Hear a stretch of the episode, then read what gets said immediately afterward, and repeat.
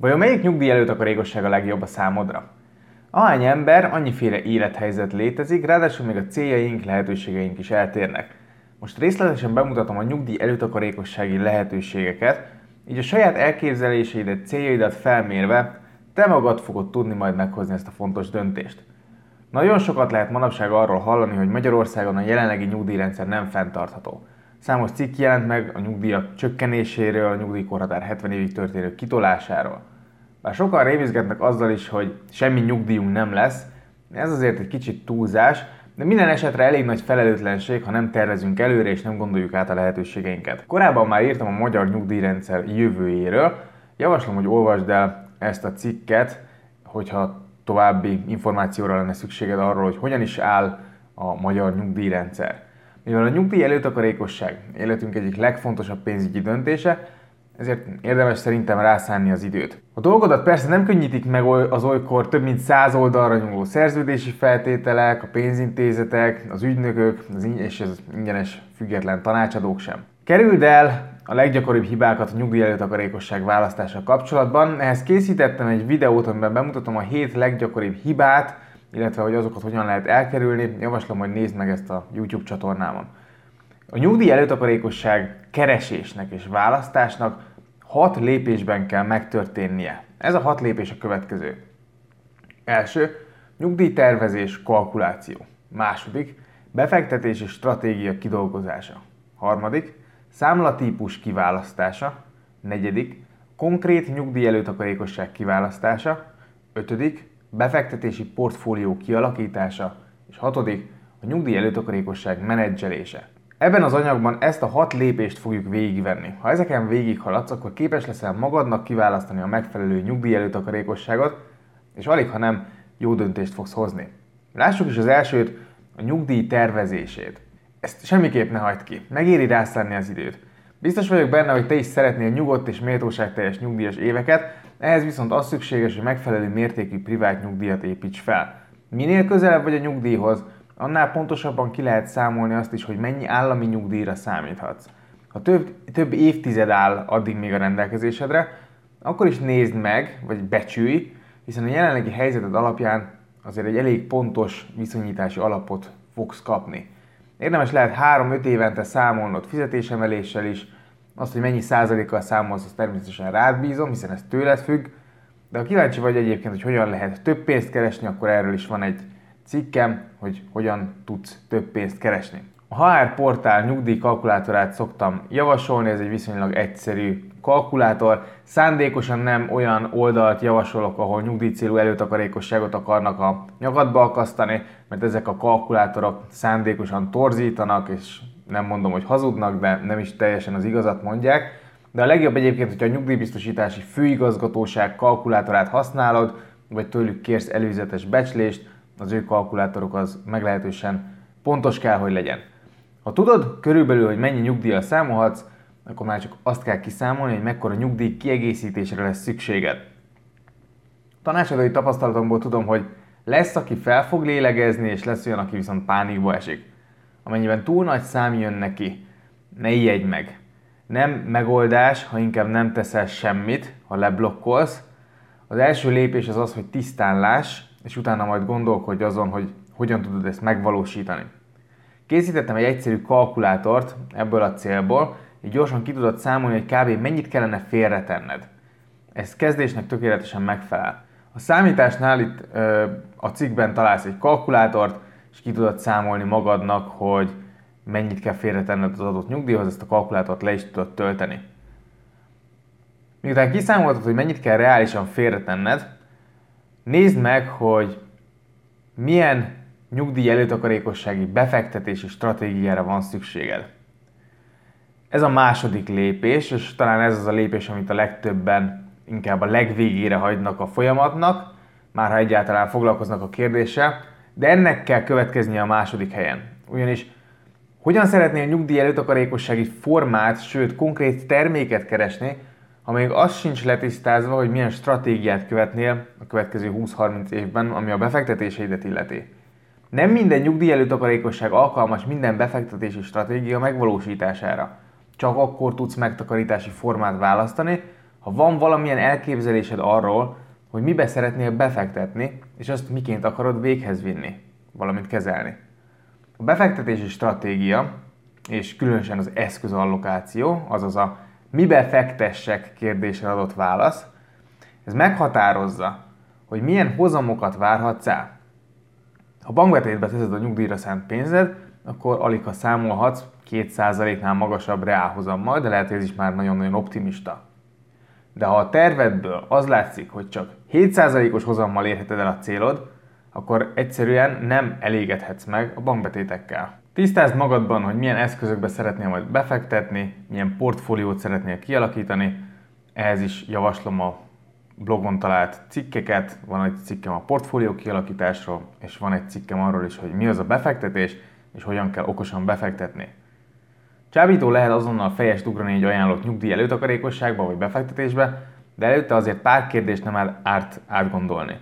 A főbb kérdések, melyek meghatározzák, hogy milyen előtakarékosság lehet neked való, hogy például milyen gyakorisággal fogsz félretenni, mekkora összeget fogsz félretenni. Van-e már meglévő összeg, amivel elindulsz, vagy most kezded el nullára?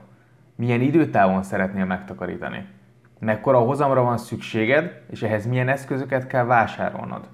Mennyire fontos számodra, hogy a termék rugalmas legyen, például szüneteltetni tud? Akarsz-e egyedileg értékpapírokat vásárolni, vagy inkább egy befektetési alapot választanál? Magad, magad akarod-e szabadon megszabni a portfóliód megoszlását, vagy ezt is inkább rábízod valakire? Akarsz-e váltogatni az eszközalapok között?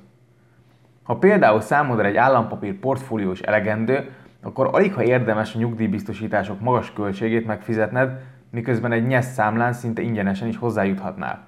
Ha fiatal vagy és magas hozamokat szeretnél, akkor alig ha érdemes az önkéntes nyugdíjat választanod, hiszen a portfóliók tele vannak biztonságos, alacsony hozamú állampapírokkal. Ha kereskedni akarsz, akkor olyan számla kell, amin lehet egyedi értékpapírokat adni-venni.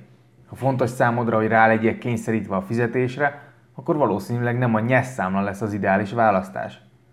Ha pedig még nem múltál el 40, akkor lehet jobban jársz, ha egyáltalán nem is köteleződsz el, és maradsz a hagyományos értékpapírszámláknál, vagy tartós befektetési számláknál. Csak ha tehát tudod, hogy mit akarsz, mind pénzügyileg, mind a befektetések terén, akkor érdemes elkezdeni megismerkedni a nyugdíj előtakarékossági számlák típusaival. Ez a harmadik lépés, a nyugdíj előtakarékossági számla típus kiválasztása. Legyél nagyon körültekintő ennél a lépésnél. Egy kedvezőtlen ajánlat megkötésével szó szerint több millió forintot is kifizethetsz a költségekre teljesen feleslegesen. Emellett pedig egy nem jól megválasztott portfólióval és befektetési stratégiával szintén hasonló nagyságrendű pénzt égethetsz el. Magyarországon jelenleg háromféle kifejezetten nyugdíjcélra indítható megtakarítás létezik. Ezek a következők. Nyugdíj előtakarékossági számla, a NYESZ, az önkéntes nyugdíjpénztár, ÖNP, és a nyugdíjbiztosítás. Ezek mellett pedig érdemes megismerned a TBS számlát, vagy a tartós befektetési számlát, mint a negyedik lehetőséget. A tartós befektetési számláról is írtam korábban egy cikket, ha nem tudod, hogy pontosan mi az, akkor javaslom, hogy nézd meg. Az első három megtakarítási forma, tehát a nyugdíjcélú megtakarítási formák, a következőkben egyeznek meg. Minden befizetés után 20% adójóváírás lehet rájuk igénybe venni. Ez azt jelenti, hogy ha befizetsz 100 forintot, akkor a szerződéseden az állam jóváír plusz 20 forintot. Amennyiben csak azután nyúlsz az összegyűjtött tőkéthez, hogy nyugdíjba vonultál, teljesen adómentesen veheted ki a pénzedet. Illetve kötelezettséget kell vállalni az adójóváírásért cserébe, mert ha mégis hozzányúlnál korábban, akkor kisebb-nagyobb büntetésekre kell számítanod. Nincs két mindenben azonos termék, így akár az is könnyen előfordulhat, hogy számodra két típus is szóba jöhet. Sőt, egy családon belül nem ritka, hogy hárommal is rendelkezik egy házaspár.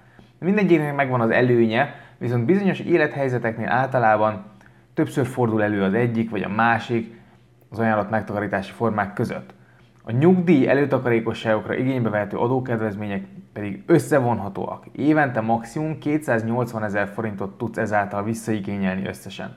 Ha félre tudsz tenni ehhez elegendő összeget, akkor érdemes lehet például kettő vagy három típust is indítani, az adókedvezmény maximalizálása miatt. Itt a cikkben találsz egy táblázatot, ami megmutatja, hogy milyen büntetést kell fizetned, hogyha idő előtt feltöröd a nyugdíj előtakarékosságot. Ebben láthatod a nyeszt, az önkéntes nyugdíjpénztárt, a nyugdíjbiztosítást és a tartós befektetési számlát. A nyugdíj előtakarékossági számlánál és az önkéntes nyugdíjpénztárnál akár még a tőkére is egy elég magas adóterhet kell fizetni akkor, hogyha idő előtt hozzányúlsz, a nyugdíjbiztosítás esetén pedig az adójóvaírást kell 20%-kal növelten visszafizetni. A tartós befektetési számla esetén pedig nincs ilyen büntetés, hiszen ott nem nyugdíj célra indítod, ott annyi a lényeg, hogy ha az 5 évet kivárod, tehát 5 évig nem nyúlsz hozzá pénzt, ez akkor utána kamatadómentes tud lenni a megtakarításod. Kifejezetten nyugdíjcélú megtakarítást tehát csak akkor szabad indítani, ha, elég kom- ha eléggé komolyak a szándékaid. Magas elköteleződés szükséges mindegyikhez. A nyugdíj előtakarékossághoz nem nyúlhatsz hozzá, maximum ha tényleg élethalál kérdése, de ilyen esetben jelentős veszteséget fogsz elszenvedni. De nem csak az adófizetési kötelezettségek miatt nem nyúlhatsz hozzá, hanem azért is, mert ha feléled a nyugdíjba vonulás előtt a pénzt, akkor nagy valószínűséggel még jobban ki leszel szolgáltatva később anyagilag. Ráadásul pont akkor, amikor már nem sokat tudsz tenni ellene.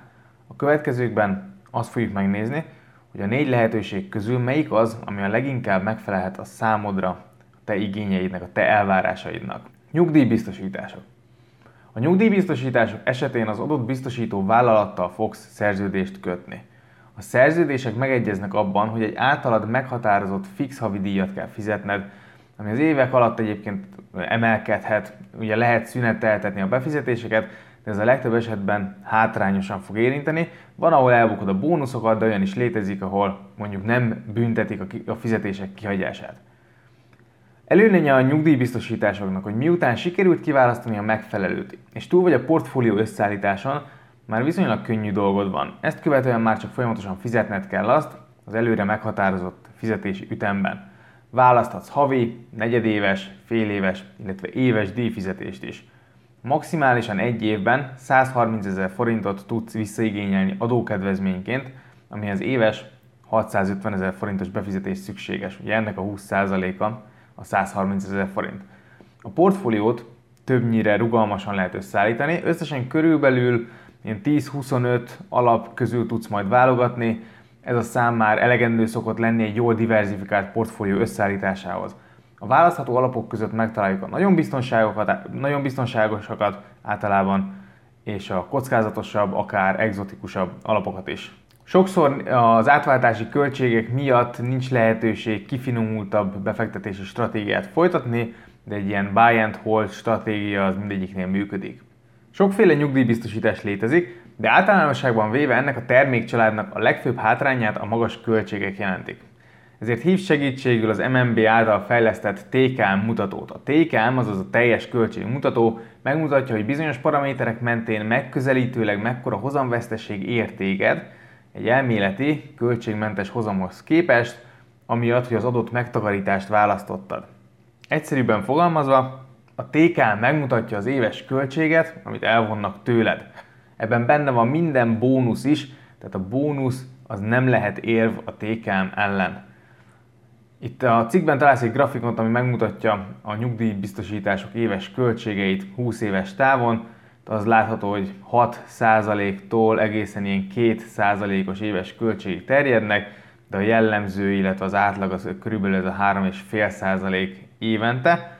Ez rövidebb távon, hogyha nem 20 évre vizsgáljuk, akkor ez ennél jóval több is lehet. Na de miért ennyire fontos a költség? Ha például egy 15 éves futamidőt veszünk alapul, és havi 25 ezer forintot fektetünk be, akkor az 5%-os költség a futamidő alatt az 2,9 millió forintot jelent a végösszeget tekintve, ami a teljes kivehető pénz 36%-a. Hiába az MNB etikus életbiztosítási koncepciója, sajnos még ezzel együtt is simán le kéne felezni a nyugdíjbiztosítások 90%-ának a költségeit. Tehát van azért korrekt termék a piacon, de nem sok helyen fogsz találkozni velük. A nyugdíjbiztosításokat azoknak javaslom, akik hajlandóak rászánni az időt az összehasonlításukra, mérehatóan foglalkoznak a kiválasztásukkal és összehasonlítják a költségeket. Ezt nem lehet egy ingyenes tanácsadóra vagy ügynökre bízni. Az értékesítési szándék miatt érdekellentét van az ügyfél és az ingyenes tanácsadók között. Egy kevesebbet ajánlott, de nagyon jó megtakarítási forma az önkéntes nyugdíjpénztár. Nézzük most az önkéntes pénztárakat. Fontos, hogy nem szabad keverni az önkéntes pénztárakat a magánnyugdíjpénztárakkal. Az önkéntes pénztárak önkéntes alapon szerveződő közösségek, melyek nyugdíj célra nyújtanak befektetési szolgáltatást. Ez azt jelenti, hogy az ide befizetett pénzünket egy névre szóló számlán a saját nyugdíj kiegészítésünként tartják nyilván, ellentétben az állami nyugdíjjal, amelynél ugye a befizetéseinkből a jelenlegi nyugdíjasokat szolgálják ki. Magyarországon a legrégebbi állami támogatásra is rendelkező nyugdíj előtakarékosság az önkéntes nyugdíj, évente akár 150 ezer forint adókedvezményt és igénybe tudsz venni, ugye itt is a befizetésed 20%-a, ami egy 750 ezer forintos éves befizetést jelent. Idő előtti felvétel szempontjából viszonylag rugalmas, hiszen a tizedik évben a hozamot már adómentesen kiveheted, majd három évente megismételheted ezt. Az első befizetést eltett 20 év után pedig az első évben befizetett tőkéhez is hozzájuthatsz, akár adózás nélkül. Akkor is érdemes lehet egyébként kivenni az önkéntesből a hozamokat három évente, ha nincs szükséged a pénzre. Ekkor azt visszafizetve ismét igénybe veheted rá az adókedvezményt. Ha tehát nem maximalizálod ki az éves 280 ezer forintot egyébként, akkor a hozamokat kivéve, majd ismét betéve egy nyugdíj előtakarékosságba, duplán veheted fel az adókedvezményt. Ezt más nyugdíj előtakarékosság esetén nem tudod megtenni. Fontos, hogy a teljes tőkéhez csak nyugdíjba vonuláskor, de legalább 10 év után vagy 20 év után tudsz csak hozzáférni teljesen adómentesen. Ha adóznod kell a befizetéseidből, akkor már valószínűleg nem érte meg az önkéntes pénztári befektetésed, mert igen magas adóteher sújtja. A befizetés alapvetően rugalmasnak számít, hiszen egy minimális díjon felül bármikor fizethetünk be egy-egy nagyobb összeget is. Mivel fontos a folyamatosság egy nyugdíjcélú megtakarítás esetén, érdemes beállítanunk egy állandó átutalási megbízást, és itt nincs kötelezően levont havi díj. További rugalmasságot biztosít, hogy akár az egyik pénztárból át lehet vinni a számlát egy másikba is, hogyha éppen így látod jónak. Az önkéntes pénztárak költségei sávosan oszlanak el, vagyis adott befizetési sávokra vonatkoznak adott költségek. Ezek a költségek a, befe- a befizetésekből kerülnek levonásra, nem pedig a teljes tőkéből. Éppen ezért, ha önkéntes nyugdíjpénztárba tesszük a pénzünket, akkor a költségeket tekintve arányaiban jobban járunk, ha minél több pénzt töltünk a megtakarításunkba évente. A költségek jelentős része tehát nem a teljes bent lévő vagyonból kerül levonásra, hanem az adott évi befizetésből, és az is sávosan. Minél több pénzünk van bent, annál kisebb az arányos költség. Az önkéntes pénztáraknak viszont van egy rejtett költsége, amit az alapkezelésért számolnak fel. A mögöttes alapkezelési költségeket a pénztáraknak nem kötelességük közzétenni. Az MNB viszont évente közzéteszi a nyugdíjpénztári portfólió bruttó és nettó hozamadatait, ahol a bruttó és nettó hozamok különbségeként megkapjuk az adott időszakra vonatkozó költséget. Számításaim alapján egy átlagos portfólió esetén nagyjából éves fél százalékkal kell számolni, amit a pénztár von le az alapkezelésre. És ha már a portfóliókról beszélünk. Ez lehet a legnagyobb hátrány, vagy éppen előny a számodra, ugyanis a pénztáraknál előre összeállított különböző kockázati besorolású portfóliók közül lehet válogatni. Tehát itt nincs egyedi összeállításra lehetőség, éppen ezért, ha szeretnél foglalkozni a befektetések részével és a nyugdíjcélú megtakarításodnak, akkor ez nem a te terméked. Viszont ha egyáltalán nem akarsz azzal foglalkozni, akkor jó eséllyel megtaláltad, hogy milyen irányban érdemes tovább haladnod. Az önkéntes pénztárakat leginkább azoknak javaslom, akik nem szeretnének túl sokat bajlódni az összehasonlításokkal, a portfólió összeállításával, és jobban megbíznak a pénztár képességeiben, mint a sajátjukban.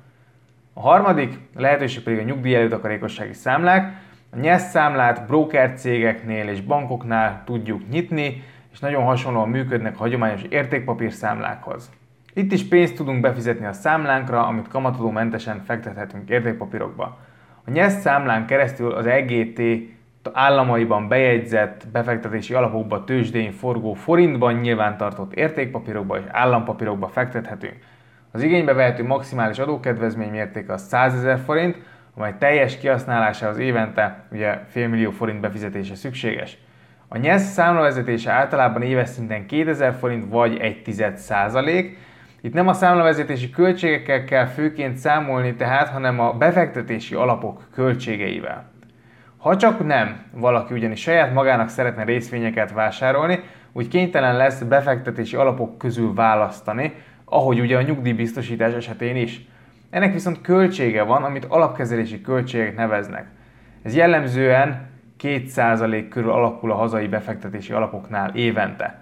A befizetéseink után az első vétel, az teljesen díjmentes, tehát amennyiben újonnan fizetünk be pénzt a számlánkra, az abból vásárolt befektetésnek nem lesz vételi jutaléka.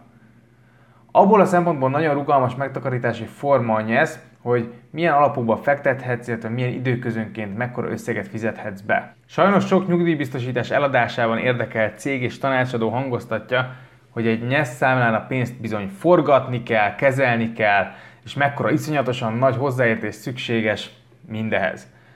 Semmivel nem bonyolultabb valójában, mint egy nyugdíjbiztosítás, sőt, a fenntartása ugyanolyan egyszerű, mint a nyugdíjbiztosításoknak, egyedül a megfelelő portfólió összeállításához van szükség tudásra.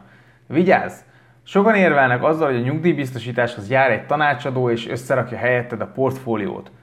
Nos, ezt a törvény tiltja, és a legtöbb tanácsadónak a megfelelő végzettsége sincs meg hozzá, úgyhogy jobb, ha nem is kérsz ilyen jellegű segítséget. A legjobb az, ha saját magad képzed és tanulsz a pénzügyekről. További jó tulajdonsága a NYESZ számlának, hogy jelenleg akár tartós befektetési számlává, azaz TBSC alakítható. Ebben az esetben a NYESZ-t meg kell szüntetni, így sajnos az adójóváírásoknak megfelelő összeget 20%-kal növelten kell visszafizetni, csak úgy, mint ugye a nyugdíjbiztosítások esetén, de további visszafizetési kötelezettség azonban nem keletkezik. Újdonság, hogy a budapesti értéktősdén elérhető ETF-ek elérhetőek lesznek nyugdíjelőtakarékossági számlán is. Így a befektetők megspórolhatják az aktív alapok kezelési költségét, amennyiben inkább ETF-eket vásárolnak, tehát passzív alapokat. Nyugdíjelőtakarékossági számlát azoknak érdemes szerintem elindítani, akik nagyon alacsony költség mellett szeretnének befektetni, és nem riadnak meg attól, hogy saját kezükbe vegyék az irányítást a portfóliójuk felett. Végül pedig a tartós befektetési számlákat nézzük meg, mint nyugdíj előtakarékosságokat. Amikor nyugdíj előtakarékosságokról beszélünk, akkor sokan elfelejtik a TBS számlát, és kimarad az összehasonlításból. Az előnye, hogy itt is el tudod kerülni a kamatadót és az osztalékod vagy árfolyam nyereséged utáni adózást is kedvezőbbé teheted. Az egyik leggyakrabban használt pénzügyi termék a TBS számla a befektetők körében. A legtöbb szolgáltatónál elképesztő mennyiségű befektetési alap, részvény, kötvény vagy éppen ETF közül tudsz válogatni. Bármilyen portfóliót össze tudsz állítani magadnak, és a befektetési stratégiák minden formája megvalósítható ezen keresztül. Azoknak tudom ajánlani, akik vagy nem tudják igénybe venni a nyugdíj előtakarékosságok után járó adókedvezményt, vagy nem szeretnének elköteleződni 20-30 vagy akár 40 évre. Igaz, itt nincs 20%-os adójóváírás, viszont ezért a rugalmasság, illetve az alacsony befektetési költségek bőven kárpótolni tudnak. Összességében azt látjuk, hogy mindegyik terméknek megvan a maga előnye, azonban arra érdemes figyelni, hogy a nyugdíjbiztosítás az a csoport, ahol a legnagyobbat lehet hibázni.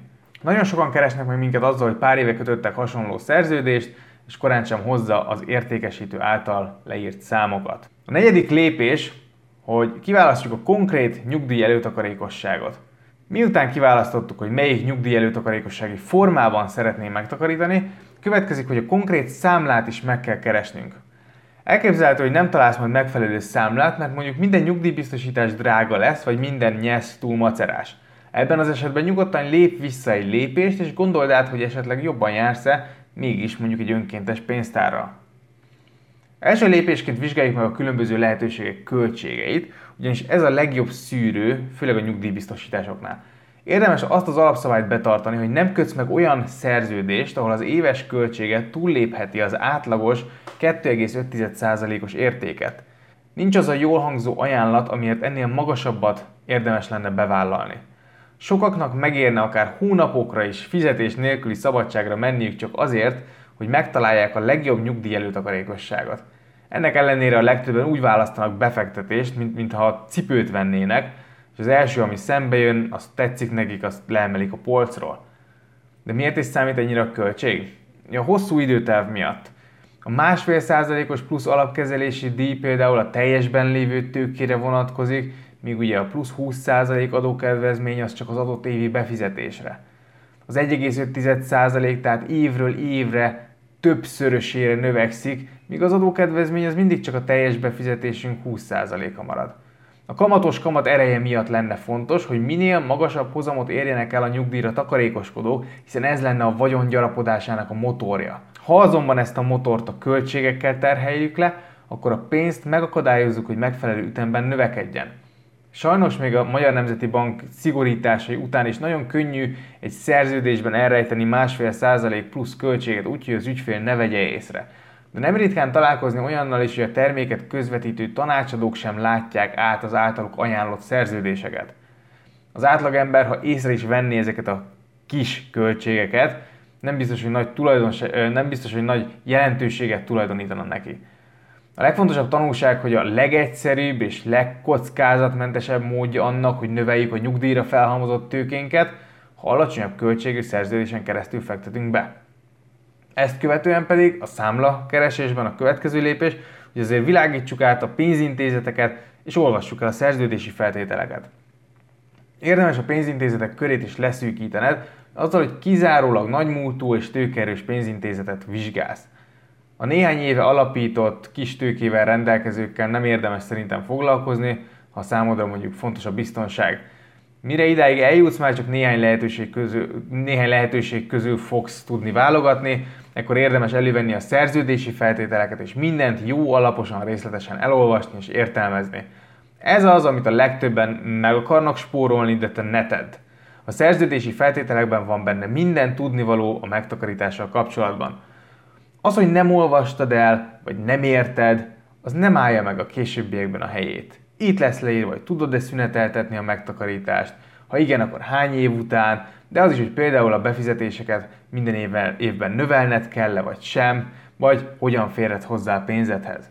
Fordíts különös figyelmet a különös szerződési feltételekre, a költségeket tartalmazó mellékletekre, és ne csak az általános jogi szöveget olvasd el. A lényeg általában a számokban, táblázatokban van.